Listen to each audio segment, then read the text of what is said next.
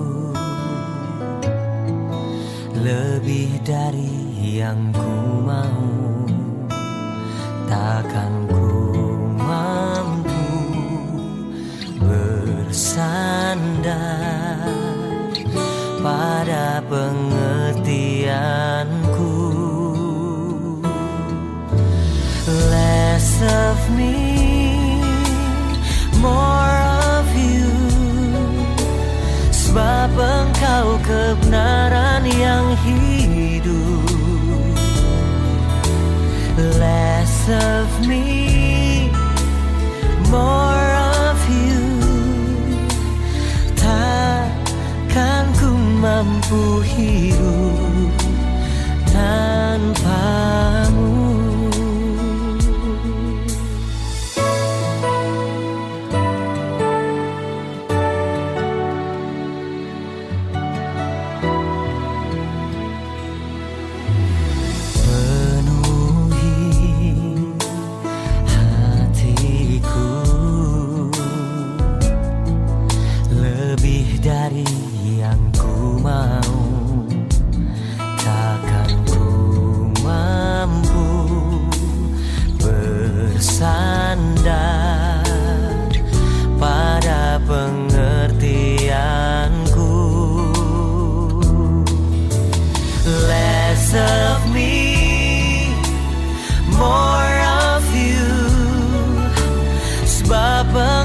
kebenaran yang hidup.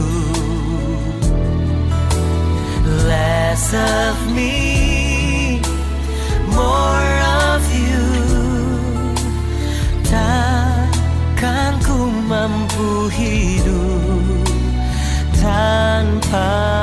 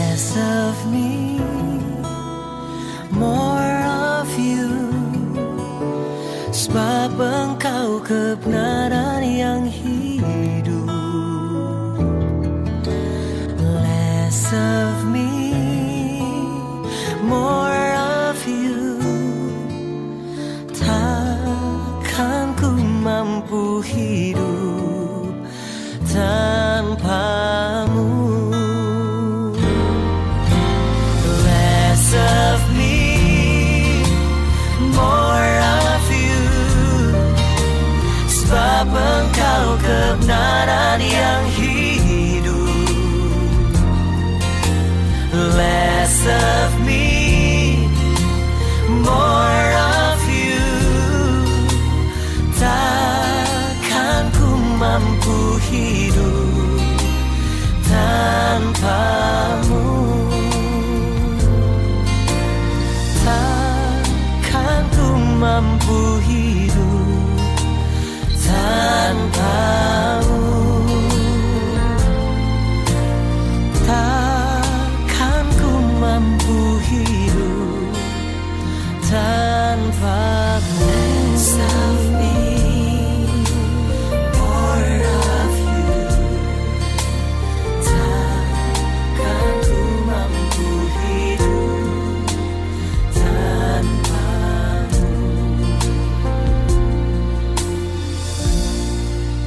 Hari ini kita berbicara tentang tinggi hati, rendah hati. Kerendahan hati adalah salah satu ciri orang yang hidup di dalam Kristus.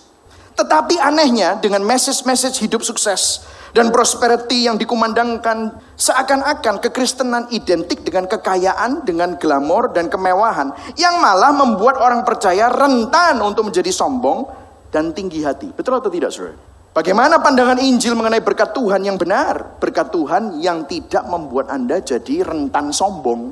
Bagaimana aku bisa jadi kaya, semakin kaya, dan sangat kaya? Itu kan persis kayak Abraham gitu saudara.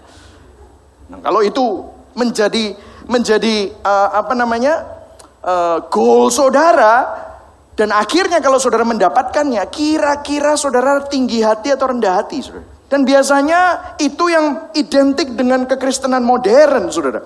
Nah, apa kata firman Tuhan mengenai kerendahan hati yang sesungguhnya? Bagaimana aplikasi Injil untuk kita menjadi orang yang hidup di dalam berkat Tuhan, tetapi tetap rendah hati dan kerendahan hati kita adalah kerendahan hati yang sejati. Nah, di sinilah kita akan masuk di dalam Yakobus 4 ayat 13 dan sampai 17. Saudara, ini sesuatu yang kita akan renungkan hari ini. Jadi kita ini bisa berencana, tetapi kita nggak bisa tahu, nggak bisa kontrol apa yang akan terjadi di masa depan. Lima menit ke depan aja kita nggak tahu apakah yang terjadi. Makanya Yakobus berbicara, hai saudara-saudara yang berkata, hari ini, besok kita akan pergi ke sini, kita akan pergi ke situ, kita dagang di sini, kita untung segini, pasti akan dapat uang banyak. Eh, belum tentu bro. Jangan sombong. Kamu nggak tahu. We don't know what the future holds. Kita tidak tahu akan masa depan. Dan dikatakan bahwa ayat 14 kita baca sama-sama yuk. 1, 2, 3. Padahal kamu tidak tahu apa-apa tentang hidupmu besok. Dia lagi murah hati ngomong besok. Hidupmu hari ini aja belum tentu loh kamu tahu. Karena kita begitu rentan. Manusia itu tidak tahu masa depan kita ini bagaimana. Kadang-kadang kita ini merasa bahwa kita ini seperti Superman. Jadi kita lupa bahwa kita tidak bisa mengontrol masa depan. Dan kemudian Yakobus bilang selanjutnya yang ini nih di garis bawahi. Lihat, kita baca sama-sama. Satu, dua, tiga. Hidupmu hanya seperti asap sebentar ada, sebentar lagi hilang. Artinya humans are frail and fragile. Manusia itu lemah dan rapuh. Saudara, kita tidak bisa mengontrol. Ada suatu kepastian yang kita akan hadapi yaitu kematian. Kita nggak tahu kapan itu terjadi. Betul saudara? Manusia itu lemah dan rapuh. Kita nggak tahu kapan kita ini pergi. Karena itu sering kali kita ini terlalu Apakah terlalu sombong? Nah, apakah kita tidak perlu membuat rencana? No, the Bible said kita perlu membuat rencana, tetapi di dalam rencana kita kita mesti sadar bahwa kita harus menyerahkan rencana kita di dalam tangan Tuhan. Jadi, Saudara, kenapa kok manusia itu begitu sombong padahal dia itu lemah dan rapuh? Kadang-kadang kita punya distorted view of God. Kita memiliki gambaran Tuhan yang salah, Saudara. Ada sebuah quote yang saya suka sekali dan dia bukan orang Kristen loh ini. David Brooks Brooks, seorang New York Times writer, dia bilang begini, humility is not thinking lowly of yourself. Kerendahan hati itu bukan berpikir rendah tentang dirimu, bukan. But thinking accurately about yourself. Kamu tuh perlu tahu berpikir secara akurat tentang dirimu sendiri. Kadang-kadang kita ini terlalu tinggi mikirnya. Wah aku iso ini, aku iso ini, hebat. Saudara bisa nggak ngomong gini? Apakah ada karakter yang kamu banggakan? Iya, ada. Aku membanggakan, aku punya karakter yang terakhir-terakhir ini tiba-tiba itu bersemi. Apa itu? Kerendahan hati. Kamu bangga bahwa kamu rendah hati. Ikut itu rendah hati bro. Kerendahan hati itu tidak bisa dibuat-buat. Orang rendah hati akan kelihatan dengan sendirinya. Tetapi kalau orang tinggi hati, kelihatan juga. Ada swag gitu saudara ya. Ada swag gitu ya saudara. Sedap gitu saudara ya. Ada swagnya gitu. Nah, David Brooks orang yang nggak kenal Tuhan, dia bisa bilang, You need to think accurately about yourself. Kadang-kadang kita ini kurang sadar potensi. Katakan sekali lagi, eh kamu perlu sadar potensi. Amin saudara ya. Nah, saya mau berikan beberapa secara cepat aja tiga hal. Bahwa kamu itu tidak terlalu hebat menurut pikiranmu. No, no. Biarlah Alkitab menjelaskan Alkitab. Saya akan memberikan beberapa ayat Alkitab untuk menunjukkan ini di dalam konteks gereja. Saudara kalau saudara sadar, saudara dan saya itu penuh dengan kelemahan dan ketidaksempurnaan. Saudara ini weak, I'm weak, I'm not perfect. Kalau saudara berpikir bahwa saudara ini sempurna, ya, saudara tunggu aja tanggal mainnya. Saudara pasti akan gagal dalam beberapa area dalam hidup saudara. Kita ini memiliki banyak kelemahan dan ketidaksempurnaan. Saudara-saudara perlu tahu, kadang-kadang kita ini juga punya salah kaprah waktu baca Alkitab. Kalau saudara lihat, wah tokoh-tokoh Alkitab, Abraham, Daud, terus Elia. Terus kita ini berpikir kita ini mau jadi kayak Abraham. Wah Abraham kan tadi saya sudah singgung. Abraham itu kan jadi kaya, sangat kaya, dan makin kaya. Aku mau dong kayak gitu Tuhan.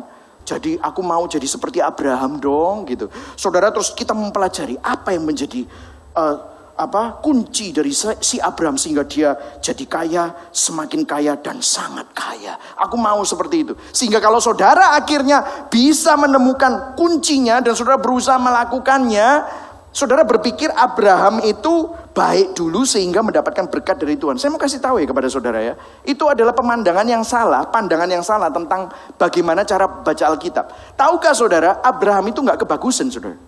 Abraham itu juga dia uh, egois, dia itu pembohong. Terus Daud dibilang, he is a man after God's own heart. Kalau God's own heart, a man after God's own heart artinya bisa tahu rahasia-rahasianya Tuhan. Kalau bisa tahu rahasia-rahasianya Tuhan, nanti aku bisa tahu kapan aku beli saham yang tepat sehingga cuannya banyak. Saudara langsung mikirnya begitu. Dan saudara, Tuhan berikanlah aku. Gimana aku bisa punya hati seperti Daud untuk mengetahui rahasia-rahasiamu. Saudara saya mau kasih tahu. Daud itu bobrok. Kalau saudara mau nonton sinetronnya Yahudi, itu sinetronnya Daud itu saudara. Paling hancur saudara ini sinetronnya. Karena dia adalah orang yang merencanakan pembunuhan atas panglimanya sendiri untuk lihat istri uh, mendapatkan istrinya yang sudah dihamili sebelumnya gara-gara dia uh, ngintip istrinya orang tersebut mandi. Begitu parahnya, Saudara. Jadi kalau Saudara baca Alkitab, jangan berpikir bahwa orang tersebut itu hidupnya berkenan dulu baru dikasih berkat sama Tuhan dan dipilih oleh Tuhan. Saya mau kasih tahu, itu salah. Firman Tuhan berkata di Roma 4 bahwa Abraham percaya sama Tuhan dan imannya diperhitungkan sebagai kebenaran. Artinya Abraham itu dikasih anugerah. Daud dikasih anugerah. Bukan karena Abraham baik. Abraham senang Hagar kok. Abraham itu bohong kok. Abraham itu egois kok. Daud itu tukang ngintip kok. Nafsunya tinggi. Tapi dipilih oleh Tuhan. Elia, oh nabi paling hebat Elia. Depresi mau bunuh diri. Kak Tuhan-Tuhanan. Loh ngono loh saudara. Mirip siapa saudara? Saudara dan saya. Jadi kalau saudara dan saya ngomong gitu. Saudara bisa ngomong Elia aja kayak gitu. Sama. Jadi jangan berpikir seperti itu. Semua tokoh-tokoh Alkitab itu banyak kelemahan dan tidak sempurna. Tetapi anugerah Tuhan memilih mereka. Jadi kalau saudara dan saya ngerasa, wah, cie, gitu saudara. Salah bro. Kamu banyak kelemahan. Di dalam konteks gereja, lihat 1 Korintus 12 ayat 13 sampai 17. Karena tubuh juga tidak terdiri dari satu anggota. Bayangkan kalau tubuh saudara mata semua. Serem bro, jalan moto kabeh. Tetapi atas apa? Banyak anggota. Andai kata kaki berkata karena aku punya tangan, bukan tangan aku tidak termasuk tubuh. Jadi benarkah ia tidak termasuk tubuh? Andai kata telinga berkata karena aku bukan mata, aku tidak termasuk tubuh. Jadi benarkah ia tidak termasuk tubuh? Iya memang mulut ini pinter ngomong, tetapi kalau mulut sendirian, mulut jalan dewe ya serem bro. Ya kan saudara? Gak bisa. Kita ini butuh orang lain. Inilah yang yang yang menunjukkan bahwa kita ini tidak sempurna. Kita ini banyak kelemahan. Kita ini membutuhkan orang lain. Ini adalah poin yang kedua, saudara. We need others. We need community. Kita membutuhkan komunitas. Yang setuju katakan amin. Itulah sebabnya manusia itu makhluk sosial. Betul nggak, saudara? Ini kebenaran umum sih. Kita semua itu nggak bisa sendirian. Kalau ada seorang bos yang berkata, wah ini semua karena keringatku dan jerih payah kerja kerasku. Iya, tapi awakmu yo akeh pegawai, ada partner, kamu memang jago marketing, tapi hitung-hitunganmu off bro. Makanya butuh orang yang mungkin nggak jago marketing, tapi hitung-hitungannya tepat. Sehingga yang hitung-hitungan partner sama yang jago marketing, maka company-nya bisa sukses. Itu kebenaran umum. Di dalam konteks tubuh Kristus sama saudara. Firman Tuhan jelas dengan berkata, makanya tidak ada orang yang namanya, tidak ada Kristen Lone Ranger, Rambo gitu ya saudara. Makanya di akhir zaman nanti pengkultusan individu itu akan makin lama makin sedikit. Yang ada hanyalah gereja. Bukan lagi nama seseorang. Makanya kita perlu bertobat mengkultuskan hamba Tuhan. Karena hamba Tuhan sama saudara, kita semua ini hamba Tuhan, sama saudara. Yesus yang ada dalam saudara sama, sama sama saya. Amin saudara. Kita ini butuh satu dengan yang lain. Firman Tuhan berkata apa? Di Ibrani 10 ayat 24 sampai 25. Saya kasih saling, saling, saling, saling. Kata saling itu adalah interaksi antara beberapa orang. Ayo kita baca ayat 24. Satu, dua, tiga. Dan marilah kita saling memperhatikan supaya kita saling mendorong dalam kasih dan dalam pekerjaan baik. Ayat 25, dengerin ini. Satu, dua, tiga. Janganlah kita menjauhkan diri dari pertemuan-pertemuan ibadah kita. Seperti dibiasakan oleh beberapa orang. Tetapi marilah kita apa? Saling menasihati dan semakin giat melakukannya menjelang hari Tuhan yang mendekat, saudara. Saudara, kita ini butuh orang lain. Kenapa? Minggu lalu kalau saudara dengar, salah satu cara untuk membuat worldview kita dari man-centered worldview kepada God-centered worldview, kita disuruh melayani Tuhan, kita disuruh tergabung dalam komunitas. Kenapa? Supaya kita nggak mikirin diri sendiri, supaya kita belajar untuk nggak egois. Kalau nggak yang diusut anakmu, yang diusut istrimu, yang diusut bojomu, semua orang yang ada di dalam rumah, saudara, kritik semuanya. Sehingga akhirnya tidak ada yang betah tinggal sama saudara. Tetapi saudara sadar bahwa kita semua ini membutuhkan satu dengan yang lainnya. Setuju katakan amin. Dan yang ketiga, ini adalah banyak yang kita tidak tahu. Tetapi Tuhan tahu. Banyak hal yang di luar kendali kita, tetapi Tuhan memegang kendali, saudara. Saudara, kita ini terbatas. Tetapi Tuhan tidak terbatas. Kita ini tidak tahu masa depan, tetapi Tuhan maha tahu. Ayo baca sama-sama Mazmur 8, 4 sampai 5 ya. Jika aku melihat langitmu, buatan jarimu, bulan dan bintang-bintang yang kau tempatkan. Ayo ayat 5 semuanya baca.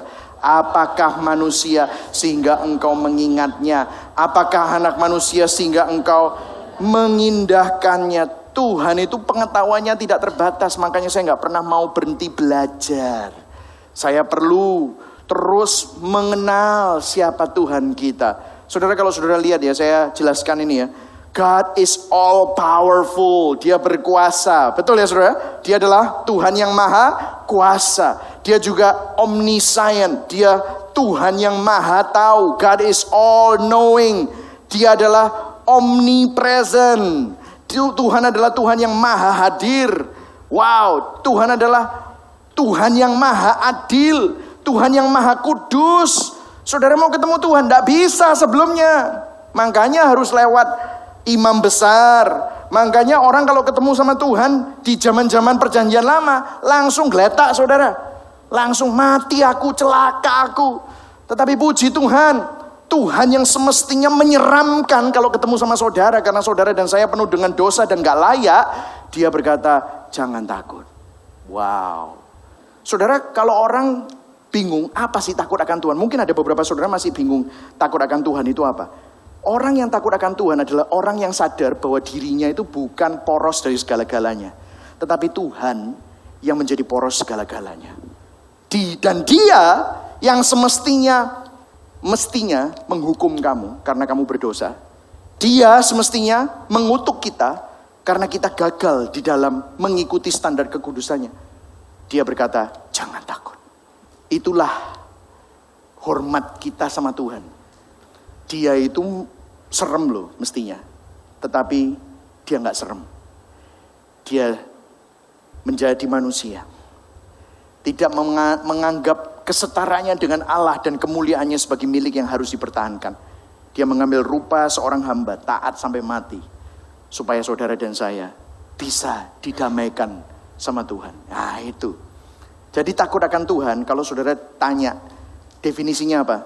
God-centered worldview. Karena apa? Poros hidupku Tuhan. Kalau manusia, poros hidupnya apa? Oh, semuanya tentang aku. Ada pekerjaan, ada keluarga, ada hobi, ada apa lagi? Pertemanan, sahabat, eh ada Tuhan. Lumayanlah. Harus ada Tuhan lah, kan asuransi gitu saudara ya. Itu man centered worldview. Tetapi kalau God centered worldview, hidupku semuanya tentang Tuhan. Dan Tuhan ada di dalam pekerjaanku. Tuhan ada di dalam keluargaku, hubunganku dengan anak-anakku, hubunganku dengan pasanganku. Tuhan juga perlu dimuliakan di dalam hobiku, di dalam bisnisku. Semuanya, ini kantongnya bukan ada kantong Tuhan, nggak ada. Tetapi semua di dalam bingkai musim hidup kita selalu ada Tuhan di sana. Itulah takut akan Tuhan. Kita biasanya di sini kan saudara ya, Itulah sebabnya perpindahan dari sini ke sini. Itulah yang dinamakan journey of faith. Itu yang dinamakan progressive sanctification. Saudara dibawa dari grace to grace, dari kasih karunia yang satu kepada kasih karunia yang lain. From faith to faith, dari iman semakin bergantung kepada Tuhan. Dan Tuhan bawa saudara from glory to glory. Amin saudara. Nah, nih akhirnya Makanya yang benar itu kayak gimana sih? Punya hati, hidup di dalam berkat Tuhan, tetapi nggak sombong. Punya kerendahan hati yang sejati. Yakobus bilang gini, ayat 15, kita baca sama-sama. Satu, dua, tiga. Jadi sebaiknya kamu berkata seperti ini. Kalau Tuhan menghendakinya, kami akan hidup dan akan melakukan ini atau itu. Maksudnya apa sih, Tester? Di dalam apa yang kamu lakukan, kamu harus hidup sesuai dengan konteksnya Tuhan. Di dalam pekerjaanmu, saudara tahu nggak pekerjaanmu itu bukan untuk kamu. Secara kedaulatan Tuhan, Tuhan secara strategis menaruh engkau di sana. Artinya dia punya maksud supaya engkau memuliakan dia melalui pekerjaanmu. istriku kan punyaku, anak-anakku kan punyaku. No, no, no, no. Itu semua titipan Tuhan. Somehow ketemuannya antara suami dan istri diatur oleh Tuhan. Sehingga pernikahanmu bukan untuk kebutuhanmu atau untuk dirimu, tetapi somehow kalau Michael Dion ketemu sama Novi Tanujaya, mereka berdua akan hidup memuliakan Tuhan. Kalau saudara pergi ke pantai atau kolam renang, pakai baju apa? Mungkin ada yang bilang sama saya, tergantung kalau priwet ya pakai gaun, pastor, gitu. Wah, sekarang boy pakai gaun di pantai, miber-miber gitu, saudara. Tetapi oke lah, nggak usah priwet, nggak usah photoshoot. Kalau saudara ke pantai pakai apa? Baju renang. Saudara kalau ke Gibeon pakai baju renang, kira-kira cocok atau enggak, saudara? Nggak cocok ya, saudara. Kademen, saudara ya. Atau saudara pergi ke mall, terus ke nonton premier XX1, saudara pakai bikini, cocok gak? Ya nggak cocok, saudara. Out of context. Nggak pas. Apa yang terjadi? Kamu akan menderita. Kalau hidupmu tidak sesuai dengan konteksnya, kamu akan hidupmu nggak akan menemukan maknanya. Halo, amin saudara. Saya berdoa supaya saudara kalau saudara sadar, ini loh, jangan mikir bahwa Tuhan ini hanya bagian dari hidup, satu bagian, bukan. Tetapi Tuhan itu segala-galanya dalam hidupmu. Di dalam pekerjaanmu, Tuhan ada di sana. Di dalam kuliahmu, sekolahmu, dalam mendidik anak, Tuhan ada di sana. Hiduplah sedemikian rupa di dalam konteksnya Tuhan. Saudara, ada satu ayat yang menjelaskan seperti ini. Karena itu kalau kamu dibangkitkan bersama dengan Kristus, carilah perkara yang di atas, di mana Kristus ada duduk di sebelah kanan Allah. Ayat 2, kita baca sama-sama ayat yang kedua. Satu, dua, tiga. Pikirkanlah perkara yang di atas, bukan yang di bumi. Sebab kamu telah mati dan hidupmu tersembunyi bersama dengan Kristus di dalam Allah. Ayat keempat, apabila Kristus yang adalah hidup kita menyatakan diri kelak, kamu pun akan menyatakan diri bersama dengan dia dalam kemuliaan. Saya mau kita ambil perhatian di dalam ayat yang keempat dikatakan Christ who is your life. Kristus yang adalah hidup kita. Kita baca sama-sama Kristus, Kristus yang adalah hidup kita. Kristus itu bukan hanya satu aspek dalam hidup saudara, tetapi Kristus adalah hidup kita. Ayo katakan sama-sama, Kristus adalah hidup kita. Yang setuju katakan amin. Saudara, Tuhan kita adalah bukan Tuhan yang impersonal, tetapi personal. Maksudnya begini, Tuhan kita itu nggak cuma hanya Tuhan yang umum, yang ngomong kepada manusia, hai manusia, akulah penyelamanmu. Bukan, dia akan panggil namamu. Hai Karen, hai Fania, hai Pak Haryadi. Dia adalah Tuhan yang personal. Saya kasih ilustrasi. Kalau misalnya saudara sakit parah dan sakit akut, Anda mau dihibur sama siapa? Tak kasih pilihan. Ada tiga. Anda sakit parah, sakit akut. Anda mau dihibur sama siapa? Tak kasih tiga pilihan. Yang pertama adalah orang yang saat ini sama-sama masih sakit dan sakitnya parah dan sakitnya seakut saudara. Atau yang kedua, orang yang sangat positif, sangat gembira, tetapi dia tidak pernah sakit. Atau yang ketiga, orang yang dulu pernah sakit parah, separah saudara, tetapi sekarang sudah sembuh. Dan dia sudah mengatasi penyakitnya. Saya mau tanya, saudara mau dihibur yang mana? Semuanya langsung milih yang ketiga. Kenapa? Karena itu personal. Ayo coba yang pertama. Ya sama-sama sakit. Ketemu. Woi bro, senasib ya? Iya, iya, senasib gitu. Apa yang bisa ditawarkan? Ya cuma senasib sepenanggungan. Tidak ada penghiburan. Betul ya saudara? Lah kalau yang satunya, wah dia orangnya positif, energetik, tapi nggak pernah sakit.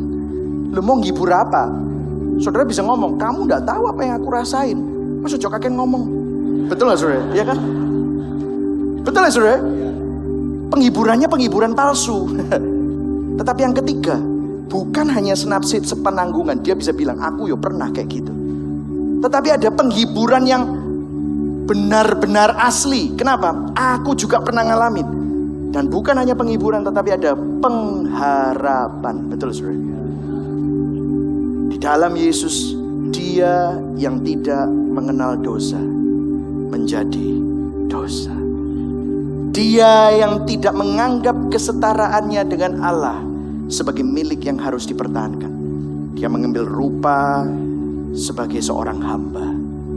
Taat sampai mati untuk menggantikan hukuman dosa saudara dan saya. Kita memiliki imam besar, Ibrani berkata. Dan imam besar kita adalah imam besar yang mengerti setiap pergumulan kita.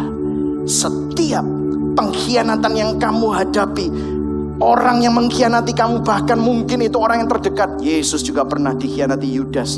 Yesus dikhianati murid-muridnya. Stres sampai berpeluh darah. Saudara stres, Yesus pernah stres lebih parah dari saudara. Saudara sakit, dia hancur tubuhnya untuk saudara. Dia pernah merasakan apa yang saudara rasakan, tetapi dia tidak berdosa. Dia mengalahkan dosa. Dia mengalahkan dunia, bahkan dia mengalahkan kematian. Wow.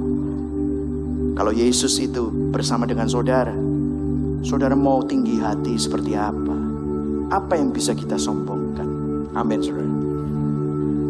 Terakhir, beberapa bulan yang lalu istri saya ngepost ini, saudara.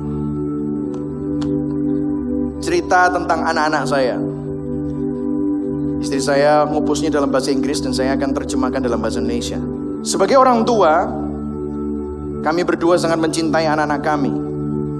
Ada hal-hal yang dapat kami kontrol, tetapi ada begitu banyak hal yang tidak bisa kami kontrol. Kalau kami bisa, kami ingin memastikan gak ada bahaya yang bisa menyakiti anak-anak kami. Ini adalah gambar ketika setiap anak-anak kami mengalami kecelakaan yang sangat menyakiti mereka. Mereka harus menjalani operasi. Waktu itu Jonathan tangannya patah harus operasi. Kemudian Jet kepalanya bocor. Terus Jane ada sis di kepalanya. Mereka harus menjalani operasi, menjalani menghadapi jarum, anestesi dan lain-lain. Saya berani bertaruh. Orang tua biasanya akan berdoa dengan doa seperti ini. Tuhan, biar saya saja yang gantikan mereka. Jadi mereka tidak perlu mengalami kesakitan-kesakitan itu. Tetapi tentu saja itu tidak bisa. Saat mereka sakit, anak-anak sakit, itu kami juga merasakan kesakitannya. Bukan hanya rasa sakit, kadang-kadang saya bisa melihat kalau Jonathan frustrasi atau sedih tentang sesuatu dan tidak tahu bagaimana menangani atau menghadapi masalah di sekolah. Itu pun membuat kami ikutan sedih dan ikut merasakan apa yang dia rasakan. Padahal saya juga nggak bisa membantunya banyak, kecuali hanya bisa berada di sana untuknya. Dan saya berharap dia tidak pernah harus melalui semuanya itu. Saat kita melihat karya salib Kristus, saya teringat betapa indah, luar biasa, kemuliaan dan mujizat kasih Tuhan terhadap kita semua, anak-anaknya. Lebih dari 2000 tahun yang lalu Tuhan tidak hanya menonton dari jauh. Dan dia cuman bilang, good job, silakan terus bertanding. Dia tidak seperti itu. Tetapi dia turun, dia meninggalkan surga, mengambil tempat kita, menggantikan kita, menanggung kesakitan kita di kayu salib. Sehingga kita semua yang berdosa memiliki jalan keluar dari kematian, memiliki kebebasan dari setiap belenggu dosa dan mengalahkan kematian. Setiap kali saya diingatkan tentang hal ini, saya tidak bisa berkata-kata. Hari ini jika Anda begitu kesakitan sebagai orang tua atau apa pun problema, pergumulan dan masalah yang saudara hadapi, saya ingin Anda mengetahui hal ini. Tuhan di atas segala Tuhan, Bapa surgawi kita yang cintanya sempurna, Dia tahu penderitaan Anda, Dia tahu kehancuran Anda dan bukan hanya itu, Dia pernah mengalaminya. Dia ada di sana. Ketika Anda terluka, Tuhan juga terluka. Tetapi ketahuilah, Dia sudah menang. Dia memberikan jalan keluar bagi Anda sehingga Anda dibebaskan, Anda disembuhkan. Pergilah kepadanya dan biarkanlah Tuhan memulihkan Anda sepenuhnya. This is the essence of the gospel. Bahwa Tuhan yang begitu besar, yang semestinya kita ini takut sama dia. Dia bilang jangan takut. Aku akan jadi seperti engkau. Aku akan bertahan ngalami apa yang kamu alami dan aku kalahkan semua itu sehingga kamu yang ada di dalam aku adalah orang-orang yang lebih dari pemenang. Itulah esensi Injil. Kalau saudara mengerti ini, maka saudara nggak punya alasan untuk tinggi hati.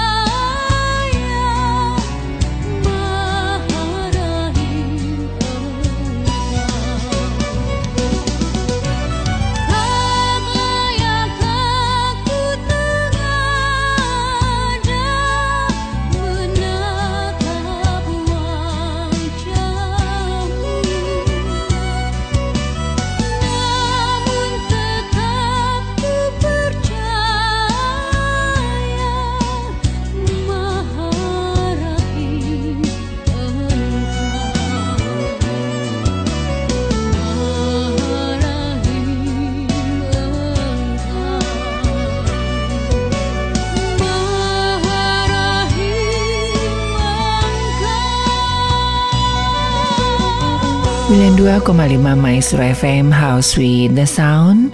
Sobat Maestro terima kasih untuk pokok-pokok doa yang sudah Anda kirimkan. Nanti kita akan berdoa bersama-sama. Nah Sobat Maestro kerendahan hati adalah sikap bijak di mana seseorang memposisikan dirinya agar tidak merasa lebih penting atau lebih benar daripada orang lain. Sebaliknya sikap angkuh adalah sikap di mana seseorang cenderung merasa dirinya lebih penting dan lebih benar daripada orang lain. Ada dua hal yang menandakan bahwa seseorang memiliki kerendahan hati. Yang pertama adalah berani mengakui kesalahan. Berani mengakui kesalahan di hadapan Tuhan maupun di hadapan umum, bukan malah menutupi kesalahan sendiri di balik sebuah kemunafikan. Di dalam Amsal 28 ayat 13 dikatakan, Siapa menyembunyikan pelanggaran tidak akan beruntung, tetapi siapa mengakuinya dan meninggalkannya akan disayangi. Hal yang kedua adalah mau belajar. Belajar yang tidak hanya melalui pendidikan formal, melainkan juga pengalaman di dalam kehidupan sehari-hari. Saat kita berinteraksi dengan orang lain, maka kita akan memperoleh pelajaran yang berharga dari mereka. Nah, proses belajar ini tidak pernah mengenal batas waktu dan usia.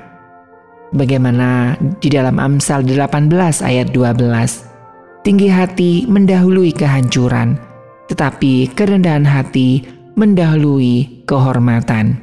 Jadi untuk memiliki kerendahan hati, Mari kita sadari bahwa kita selalu membutuhkan pertolongan Tuhan serta bertekad bulat untuk terus belajar, ikhlas untuk meminta maaf, dan berani mengakui kesalahan. Mari kita sama-sama berdoa. Segala puji hormat kemuliaan hanya bagi Tuhan kami Yesus Kristus, Tuhan dan Juru Selamat kami yang hidup. Kami mengucap syukur ya Tuhan untuk pertolongan dan penyertaan Tuhan di hari-hari yang kami lalui. Hingga saat ini ya Tuhan, Engkau mengizinkan kami untuk boleh membuka lembaran baru semua karena anugerah dan kekuatan yang daripada Tuhan. Untuk itu ya Bapa, biarlah kami terus memiliki kerendahan hati dan takut akan Tuhan. Kami dijauhkan dari sikap kesombongan, sekalipun kami memiliki segala sesuatunya namun kami tetaplah manusia yang terbatas. Kami masih membutuhkan orang lain. Untuk itu ya Tuhan, ampuni setiap kesombongan kami ya Tuhan, yang tanpa kami sadari. Dan pagi hari ini ya Bapa melalui kebenaran firman Tuhan, melalui kidung-kidung pujian yang kami dengarkan, biarlah roh kudus boleh menolong kami, agar kami memiliki salah satu sifat yang terpuji di hadapan Tuhan, yakni kerendahan hati. Jauhkan dari sikap sombong, congkak, dan merasa diri paling benar ya Tuhan, sebab Engkau membenci kesombongan. Kesombongan mendahului kehancuran. Kiranya kuasa roh kudus dan darah Yesus boleh menyucikan setiap kami sebelum kami menaikkan doa-doa kami, sehingga doa-doa kami boleh berlayak di hadapan Tuhan.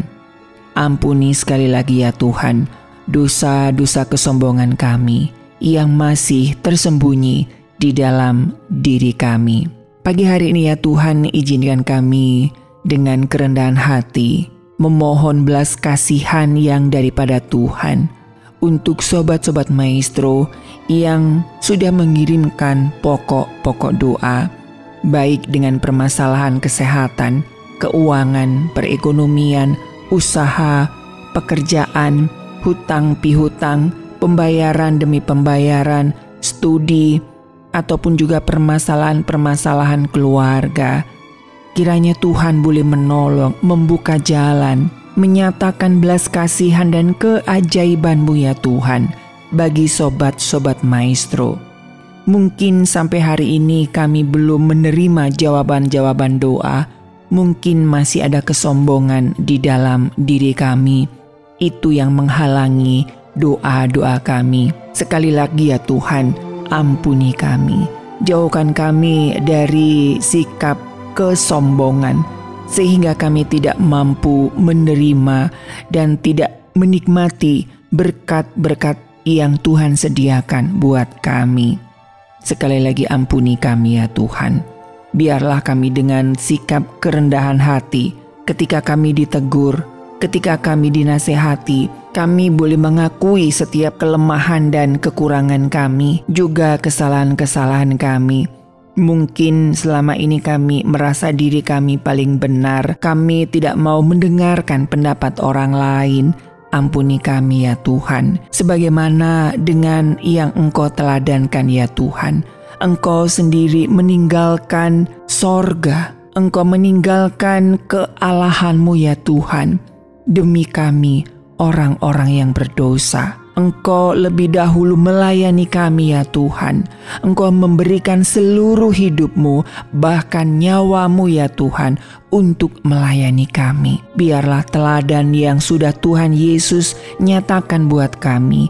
Kami boleh meneladani itu ya Tuhan, sehingga kami boleh memiliki sikap rendah hati, baik hubungan kami dengan keluarga, dengan suami, dengan istri, dengan orang tua, dengan anak-anak, dengan majikan, dengan pimpinan, dengan sesama rekan kerja, dengan gembala, dengan para majelis, sesama rekan sepelayanan dengan siapa pun ya Tuhan, bahkan dengan orang-orang yang secara fisik ataupun secara finansial jauh di bawah kami, biarlah kami tetap merendahkan hati dan tetap menghargai, menghormati mereka ya Tuhan, karena Engkau melihat hati dan sebagaimana dengan kebenaran firman-Mu bahwa upah dari kerendahan hati adalah kekayaan, kehormatan dan kehidupan. Untuk itu ya Bapa, kiranya pagi hari ini Tuhan bereskan hati kami sehingga kami memiliki sikap rendah hati dan kami berlayak untuk menerima semua janji-janji Tuhan baik itu kesembuhan, pemulihan, berkat-berkat di dalam usaha kami, ataupun di dalam pergumulan-pergumulan kehidupan kami. Kami percaya ya Tuhan, kerendahan hati akan membuka tingkap-tingkap sorga. Kerendahan hati akan membuka pintu mujizat bagi kehidupan kami.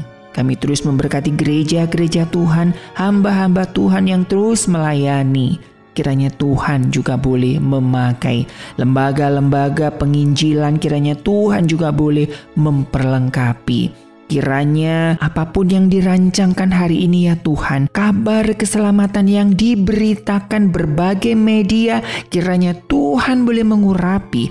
Dan hari ini ada begitu banyak orang boleh mendengar kabar keselamatan yang daripada Tuhan secara khusus berdoa bagi hamba-hamba Tuhan di pedalaman, mereka yang berada di garis depan kiranya Tuhan menyertai mengurapi mereka untuk boleh memenangkan jiwa-jiwa di suku-suku pedalaman, di suku-suku yang belum terjama oleh Injil. Biarlah hamba-hamba Tuhan ini terus teguh dan kuat untuk melayani Engkau. Kiranya Tuhan juga mengirimkan orang-orang yang memiliki hati yang berbelas kasihan untuk boleh mendukung dan menopang pelayanan hamba-hamba Tuhan, baik yang di pedalaman ataupun hamba-hamba Tuhan yang melayani anak-anak terlantar, anak-anak jalanan, melayani fakir miskin dan anak-anak terlantar, pelayanan-pelayanan yang mungkin tidak didanai oleh gereja, lembaga-lembaga, yayasan-yayasan, pelayanan-pelayanan yang dilakukan secara mandiri oleh anak-anak Tuhan. Kiranya Tuhan juga boleh mencukupkan, memberikan belas kasihan kepada orang-orang yang mungkin memiliki kelebihan untuk boleh mendukung pelayanan mereka demi pekerjaan Tuhan terus berdoa untuk Radio Maestro ya Tuhan.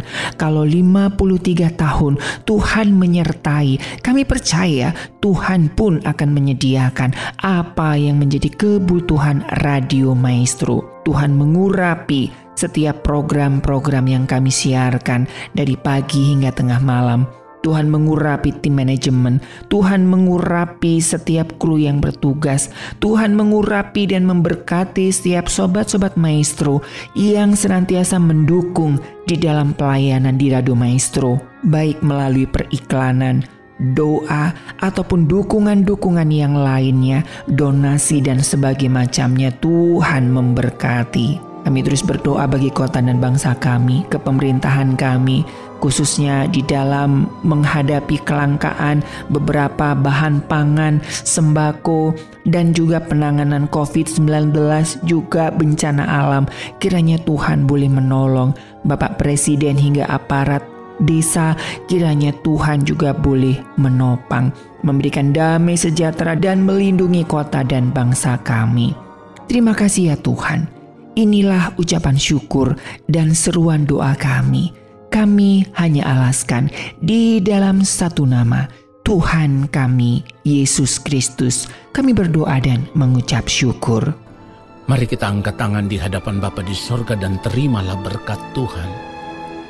Segala berkat kasih karunia daripada Allah Bapa di sorga, rahmat cinta kasih yang berlimpah-limpah dari Tuhan Yesus Kristus, di dalam persekutuan yang manis dengan roh Allah yang kudus, turun atas kehidupan kami, menyertai langkah hidup kami, memberkati kami saat ini, sampai selama-lamanya. Amin. Dari Gerah Maestro Jalan Kaca Piring 12 Bandung, saya penginjil Ari dan rekan Junius mengundurkan diri. Ketahuilah bahwa kebahagiaan hidup yang sebenarnya adalah hidup dalam kerendahan hati. Stay humble. Selamat pagi, tetap jaga protokoler kesehatan dan Tuhan memberkati. Inilah yang ku punya Hati sebagai hamba Yang mau taat dan setia Padamu Bapa Ke mana kan ku bawa Hati yang menyembah Dalam roh dan kebenaran Sampai selamanya